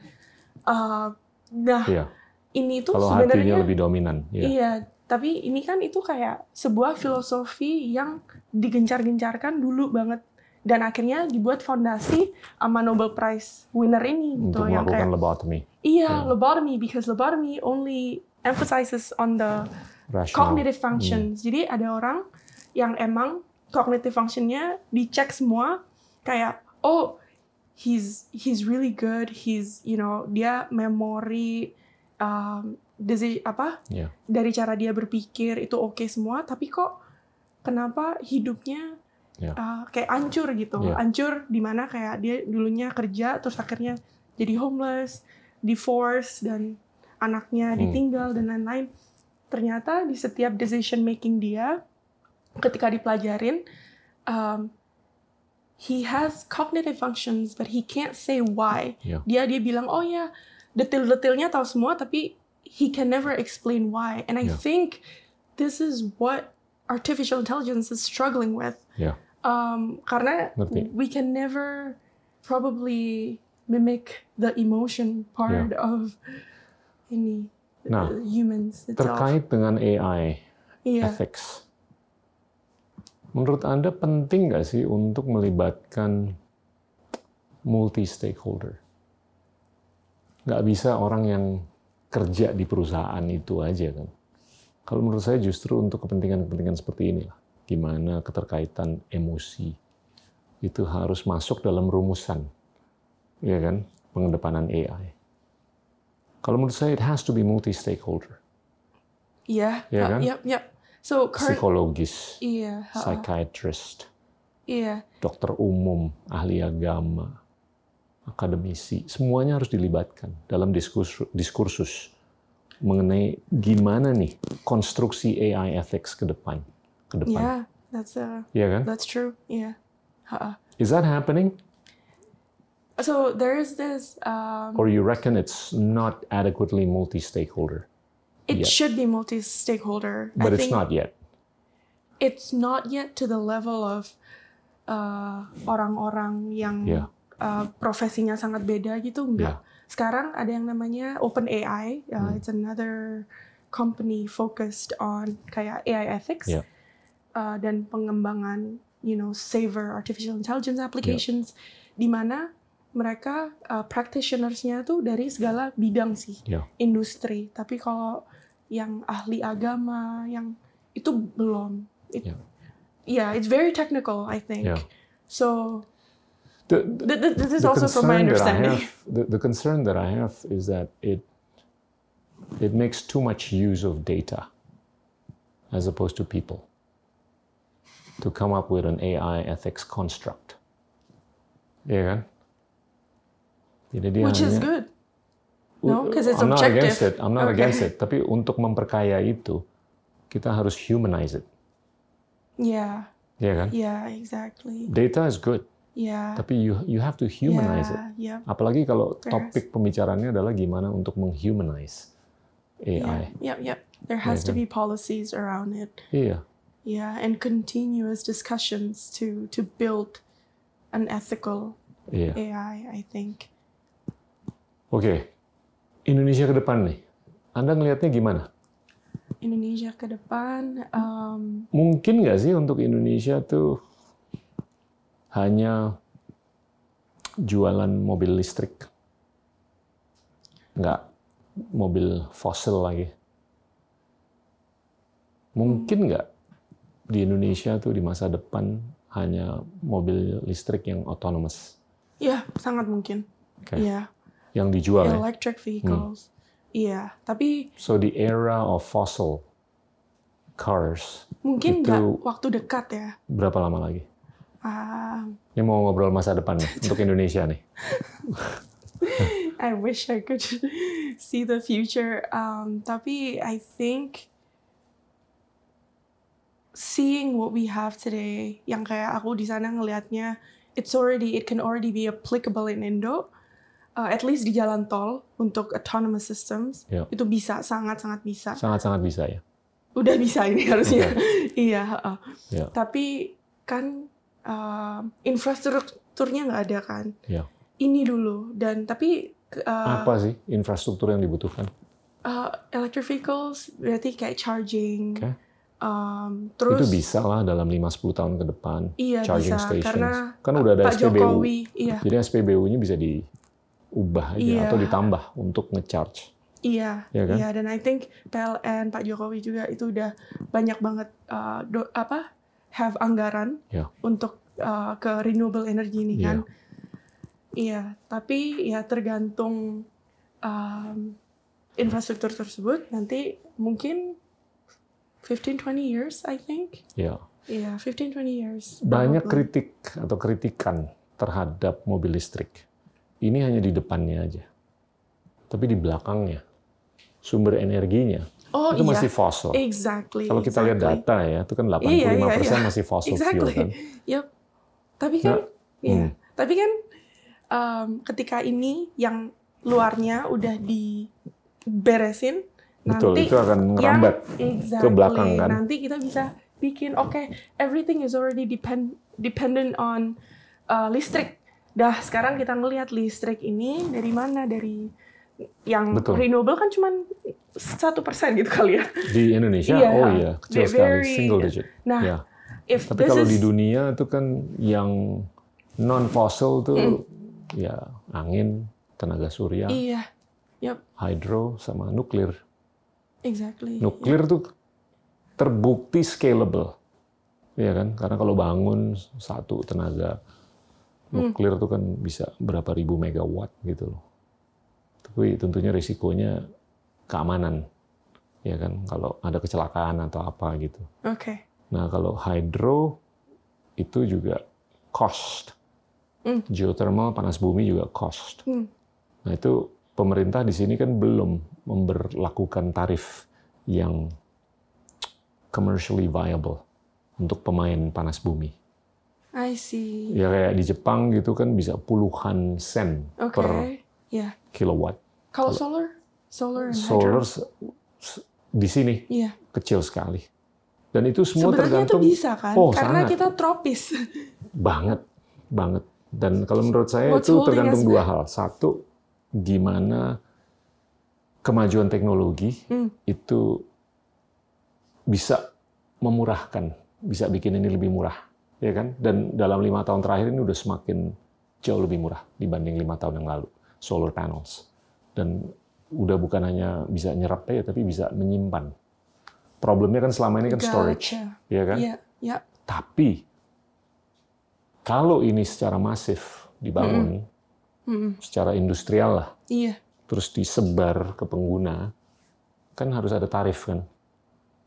Nah, tarifnya tuh harus make sense supaya developernya atau produsennya itu juga bisa make money kan. Seringkali itu kalau di energi terbarukan, contohnya di panas bumi, itu dia udah invest gede-gedean, terus untuk dia bisa break even aja dia harus mengenakan tarif berapa, tapi peraturan pemerintahnya hanya di berapa. Nah, itu nggak bisa make money. Sedangkan di negara-negara lain tuh tarifnya tuh udah jauh lebih tinggi daripada Apakah apa itu kurang bantuan dari pemerintah berarti? Be- Betul. Ini ini kalau menurut saya perlu kerjasama antara swasta dengan pemerintah, di mana Hmm. pemerintah harus menunjukkan keterbukaan supaya dia berani memberlakukan tarif yang lebih tinggi untuk siapa pun yang mau Hmm. mengedepankan teknologi energi terbarukan. Tapi I, I think kalau umpamanya ini di depannya didorong terus ya dengan mobil listrik, Mm-mm. berikutnya adalah di belakangnya. Nah, kalau Iya. kalau Elon Musk kan udah mikirin dengan giga, giga factory. Ya kan dengan pembangunan baterai-baterai yang bukan hanya untuk bisa ditaruh di mobil, tapi untuk sebagai power generation capability secara masif, ya kan? Dia bisa ditancap, dicolokin ke grid supaya bisa disebarluaskan ke end users. Nah itu kalau menurut saya itu bisa tuh dilakukan di negara-negara berkembang ke depan dengan menggunakan tenaga surya atau tenaga apa pun Iya. yang yang terbarukan atau renewable in nature. I see. Yep. Ya kan? Yep. That's true. Di Silicon Valley, speaking of the ini ya, yang tadi di belakangnya, gimana cara um, yang nggak dependent sama fossil fuel gitu-gitu. Even battery sekarang, beberapa temenku udah juga bekerja di uh, startups atau perusahaan gitu, gimana baterai ini bisa di compostable loh Ya, kayak composable, recyclable. ya, That's mind blowing. Iya. Kayak Banget. composable batteries, um, and that would probably be the future as well Iya. in the, um, you know, speaking of kayak Iya. charging. Um, jadi nggak semuanya kayak bakalan fossil fuel. Iya. Hopefully in the next few years we will see. Jadi baterainya tuh bisa didaur ulang. Iya, Iya kan? Kalau masa hidupnya itu udah selesai, terus tinggal diapain bisa didaur ulang kan. So iya, it doesn't become an environmental toxic. exactly. Iya kan? Yep, yep. Dahsyat. Iya, exactly. Te- Terus juga banyak kan sekarang kayak oh infrastruktur cuman charging charging gitu aja kan. Tapi udah banyak yang beneran sekarang tinggal swap baterai. Iya. Kayak swap ini HP gitu. iya. Itu lucu juga gak sih? What's your view? Karena di China kan ada perusahaan yang menggunakan swap Oke. technology kan, nggak usah sebut nama lah. Tapi kalau Tesla itu kan tidak menggunakan swap. Justru kita berhenti, dicolokin kan. Kalau yang di China itu kan kita berhenti, baterainya dicopot di bawah, diganti. So it's a lot more efficient.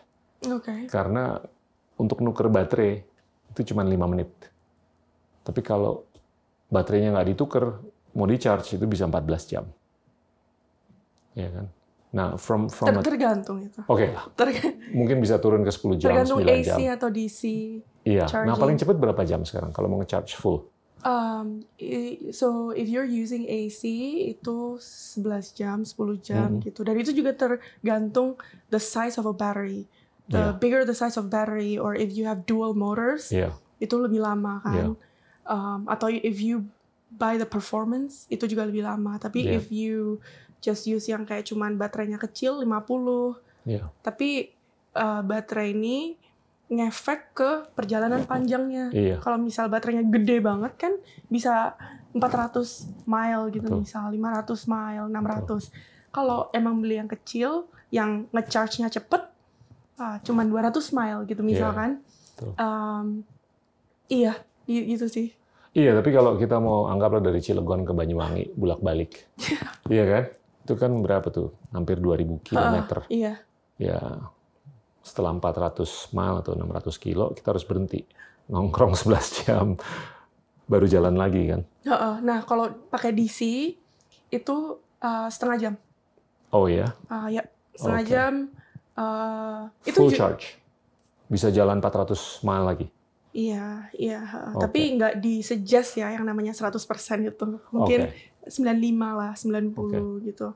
Dan iya, itu juga banyak faktor juga sih. iya Heeh, ba- banyak faktor. Kalau misal naiknya uphill terus ya cepet eh, ininya kan energinya. tapi yang saya mau So- tanya di di China ini kan dia yang satu perusahaan ini kan dia menggunakan swap technology Iya. heeh. kalau ganti baterai itu di swap stations itu kan cuma lima menitan. Ke depannya tuh perusahaan kayak Tesla itu bakal mempertimbangkan nggak sih swap? I cannot say ya. Oke, it's, it's definitely under study tapi- lah, iya kan? It's being studied lah. Eh, Karena it, it just makes logical sense, Ya, it makes logical sense. iya kan? Banyak uh, beberapa startups saya tahu udah udah melakukan itu. Iya, Untuk uh, misal kayak Honda Leaf, mereka ngelihat market-market yang udah Iya. banyak di eh kok Honda itu Honda ya Nissan. Nissan sorry ya Nissan Leaf uh, yang di dunia gitu huh. Iya. they I think it's a very efficient route Betul. Kalau kita sangat mau cross efisien. country gitu kan dari LA ke Boston, iya banget iya nggak perlu nunggu stop setengah di jam kota nunggu 11 jam atau setengah jam, mendingan Iya. ganti aja gitu. iya gitu. exactly yep Alright. Indonesia 2045. Tell me, what are your views? Will you be Um, back here helping the country with ada gambaran. technological innovations, or how do you see Indonesia moving forward towards 2045 dalam konteks elektrifikasi mobil atau dalam konteks keramahan lingkungan? These are the, the two subjects that you're very passionate about, Iya. ya kan?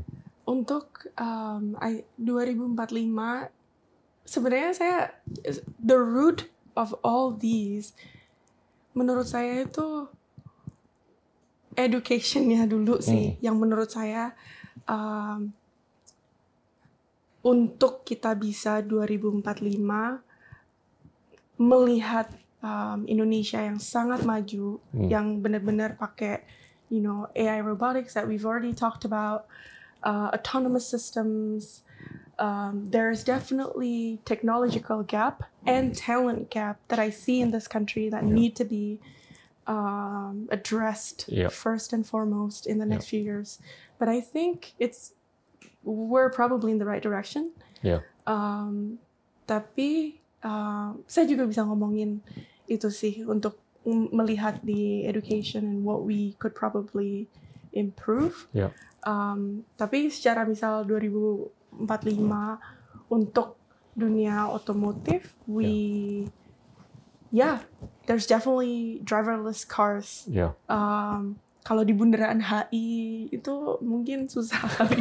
Sekarang mikirnya itu kok banyak banget trotoar pun jalan. Apalagi di Tanah Abang. Iya, itu ya aku mikirnya kayak aduh susah. Ruwet banget yang nyebrang berapa Iya. ratus orang tuh. Iya, itu mungkin Dan- um, itu Otonomus tuh bisa ngebel sendiri nggak sih kalau ada orang?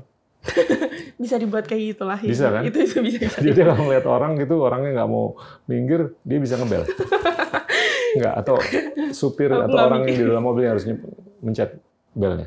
Kalau di Amerika itu ngebel itu kasar gitu ya. Jadi jadi Tapi kalau orang yang nggak mau minggir di depan mobil, bisa Bu. nggak kalau menurut saya harus dipikirin tuh. Iya, Biar iya. cerdasan artificialnya. Iya, semua Kalau yang kita bikin ada- itu kan bisa harusnya. Ada kambing gitu di depan, atau apa kan dia harus ngebel sendiri tuh. Atau terbang nih bisa jangan kan. I want to push on this talent point. Iya. Ini kan digitalisasi di Indonesia nih udah udah lepas landas kan. Dan sekarang tuh kita udah sampai saat sulit nyari talenta, Iya. langka, ya kan? Yang keren tuh langka banget. Dan gimana tuh untuk bisa meng-scale up? Kalau Anda kan you were blessed because you had great parents, you have great parents who Iya. basically pushed you Iya. untuk belajar bahasa asing, untuk pindah dari Malang ke Jakarta. Iya. Terus with your own initiatives pindah ke Seattle, ke Atlanta, New York, ke Silicon Valley atau ke Bay Area. How do we scale this up supaya orang-orang Indonesia tuh bisa seperti Anda gitu loh. Kasihan kan banyak yang di Flores, Papua, Iya. Mamuju. I think there's um, there's importance of catching up with globalization Iya, in a way that we have to train everyone to be able to learn English. iya, English itu penting banget sih Ya. untuk mereka bisa catch up ke iya. ex, you know to be exposed to everything in the world. Ya. Uh, karena everything is on the tip of our hand right now, Ya. right? Kayak uh, internet, edukasi apa. Terus kemarin tuh sebenarnya saya ngobrol beberapa closest friends saya orang India sebenarnya, Ya. and they graduated from IITs. Wah, pinter banget. Um, so I asked them on kayak, you know, how they grew up with the education system in India, because I wanted to know, you know, what are we lacking from um, di, di Indo gitu. Um, dan mereka tuh emang they have this culture yang bilang kalau you know go get engineering degree Mhm. and then you can do whatever you want after. Ya emang gak ada culture yang um, selalu apa yang uh, perfect nggak ada. Iya. Tapi yang saya lihat itu they push the um, the standard of kayak technology Iya. even in a younger age. Iya. Jadi teman-teman aku tuh they learned C programming when they were in middle school. And Iya. I just you know, back Wow. then I started using computer when I was in middle school.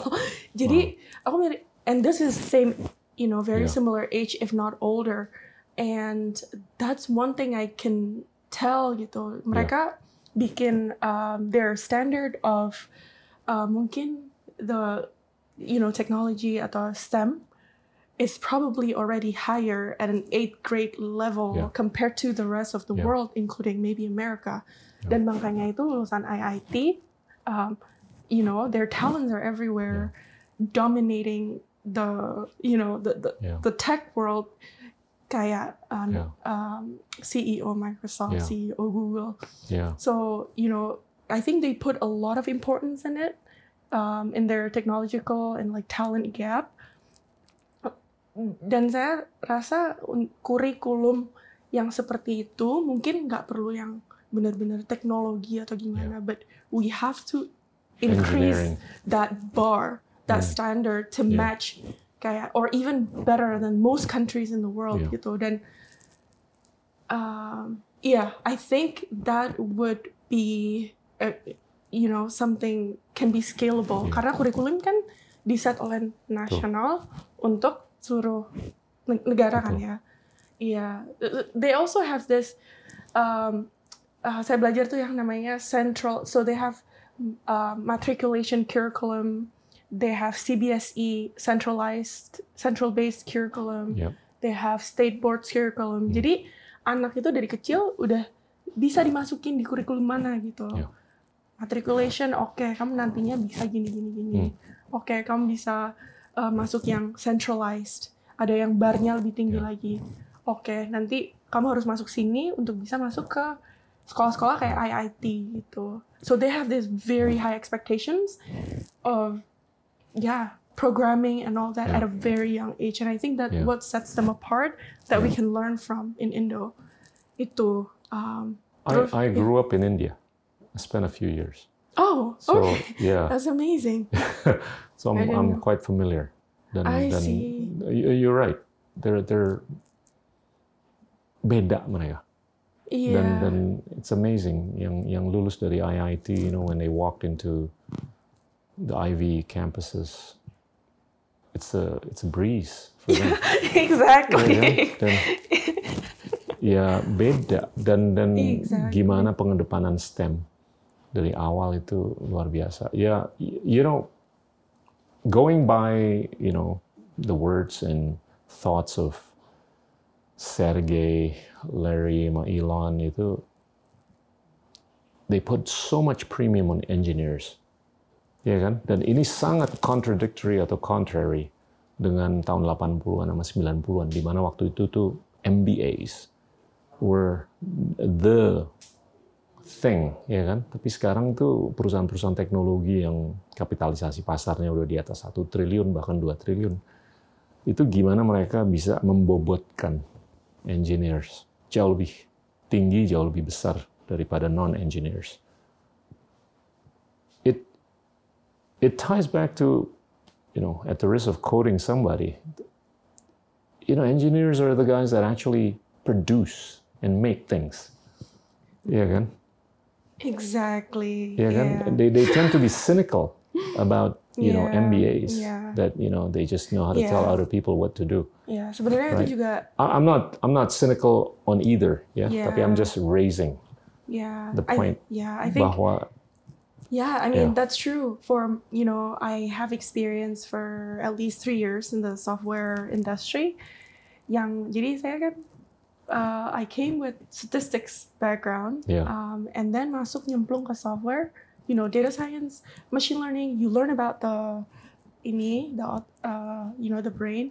Tapi saya masuk uh, company ini sebagai data scientist gitu. Yeah. And data scientists actually data scientists live in the house, but engineers build the house.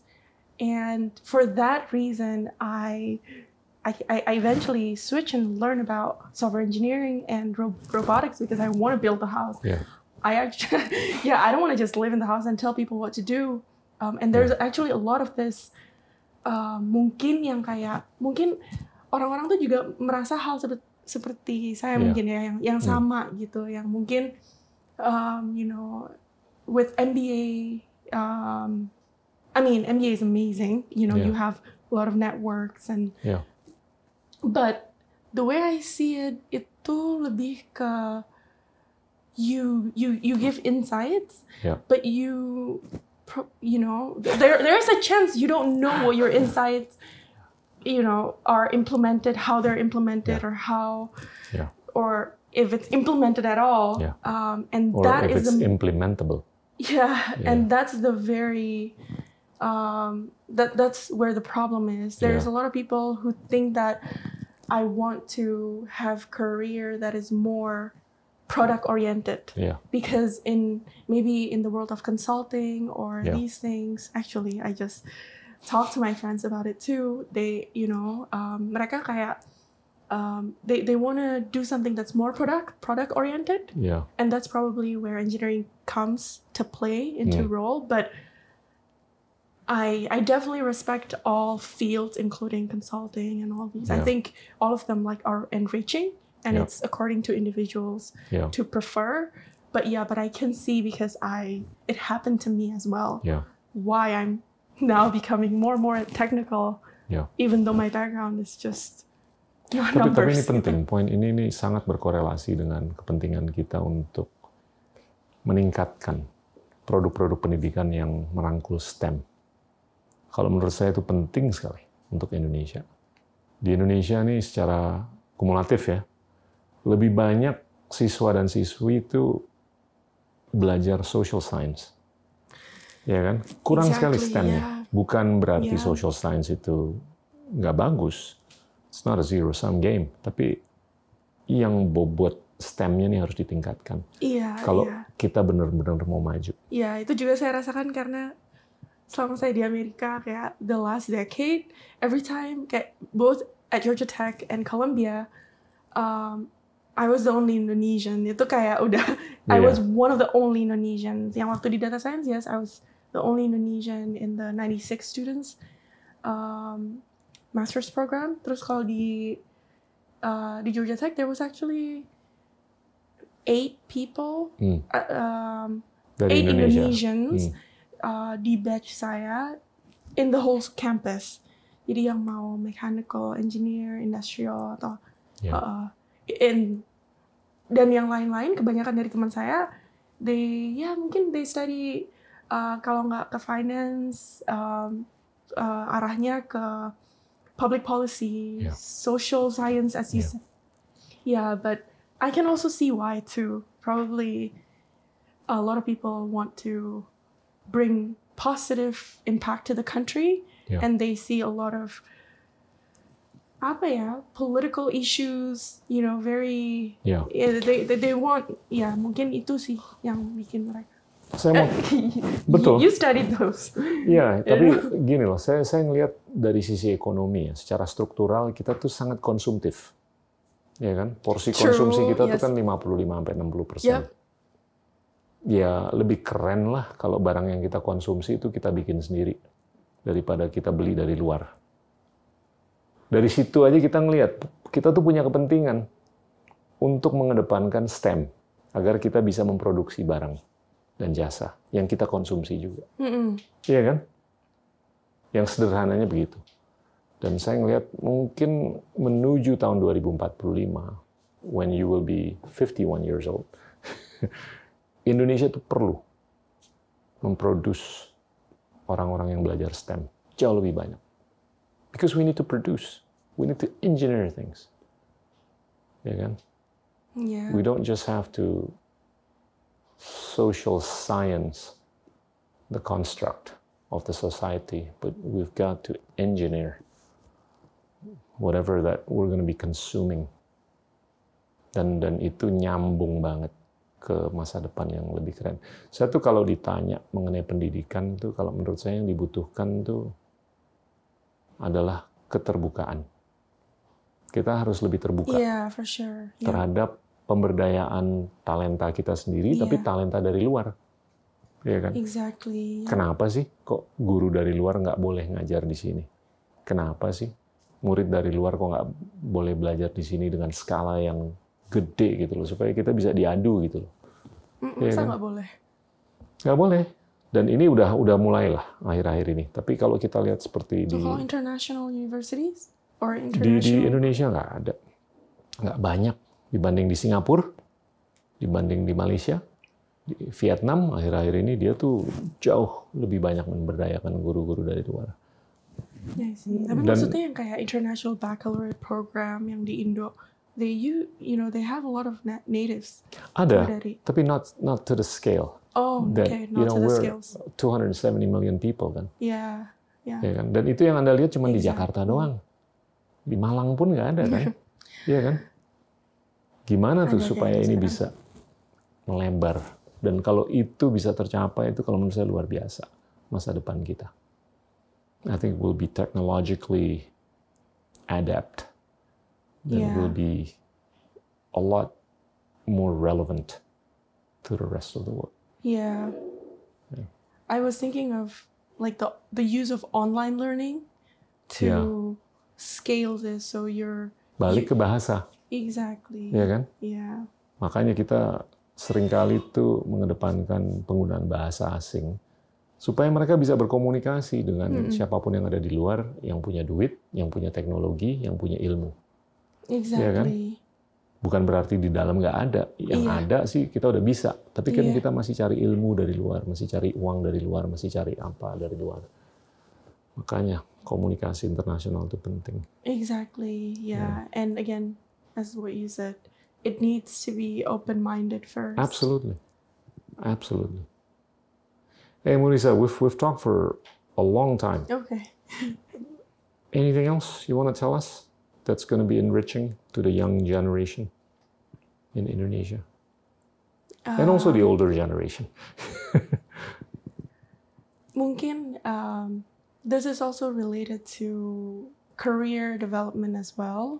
Um, th- there is this important concept of growth mindset. Um, karena, and this is probably what I think of why Silicon Valley is what it is today and um, why the directors or CEOs or you know tech executives are so successful Yeah. uh, because um, I see that kayak growth mindset plays a huge role in it. Kayak orang-orang yang mungkin backgroundnya um, I, I suffered from kayak fixed mindset too before kayak for so many yeah for for some time yang kayak oh this is what and maybe this is more applicable to millennials where I think about okay this is what I studied therefore I should just focus in this alone gitu kayak. If I get different type of assignments atau mungkin secara garis besar kayak oh you should do this you should do that kan uh, kerjaan saya misalnya tambah lama tambah ke hardware-nya gitu kan Yeah. yang kayak software hardware kayak I am not able to do any of these because my background is just not um, uh, nggak nggak nggak nyampe gitu mungkin or not sufficient enough tapi yang aku lihat tuh sebenarnya banyak banget orang sukses tuh kayak they're open to whatever Divergent ideas. exactly Yeah. and like oh this is a new field for me sure I'll I'll take it Bring and it on. I'll exactly Gue. Yeah. but I am yeah tapi kayak uh, my nature mungkin yang lebih kayak uh, hold back because I was so scared uh, but embracing that growth mindset in anything you do will make you at least kayak successful See, I, I think that's an important type of mindset that we all need to embrace as yeah as our 20s 30s whatever in our career I I think you underestimate yourself. You have epitomized growth mindset just by way of stretching the boundaries, moving from Malang to Jakarta, ke Seattle, ke Atlanta, New York, ke Bay Area. Thank you. Yeah. No, no. Not enough, maybe. Not enough. Okay. Yeah, it Yeah. probably. I yeah, is I just yeah. I feel like I just started Yeah. in this whole field. You're still young. Uh, yeah, software probably. Yeah. Okay. Thank you. Very good. Makasih loh, Marisa. yeah. Thank you, Pak Gita. thanks. Teman-teman, itulah Murisa Cokro, teman kita dari Malang. Terima kasih. Endgame is a podcast by the School of Government and Public Policy Indonesia, the first Indonesian policy school to offer a full-time master's program in English, and is a production of The Cinema, Indonesia's award-winning entertainment and technology company. Oni Jamhari and Angga Dwima Sasongko are our executive producers. Ahmad Zaki Habibi and Jimmy Kuntoro are our supervising producers. Hana Humaira and Farah Abidah are producers. Bobby Zarkasi is our director. Aditya Dema Pratama is our director of photography. Video editing by Felicia Wiradian. Alvin Pradana Susanto is our sound engineer. Ratri Pratiwi and Fiera Rahmawati are research assistants. Aulia Septiadi and Ferdizal Oktama are our graphic designers. Transcriptions and translations by Isfi Afiani. The song you're hearing is by Niall Giuliarso, Ferdinand Chandra, and Philippus Cahyadi, mixed and produced by Gibran Wiryawan. The production of this episode adheres closely to the local authorities' health and safety protocols.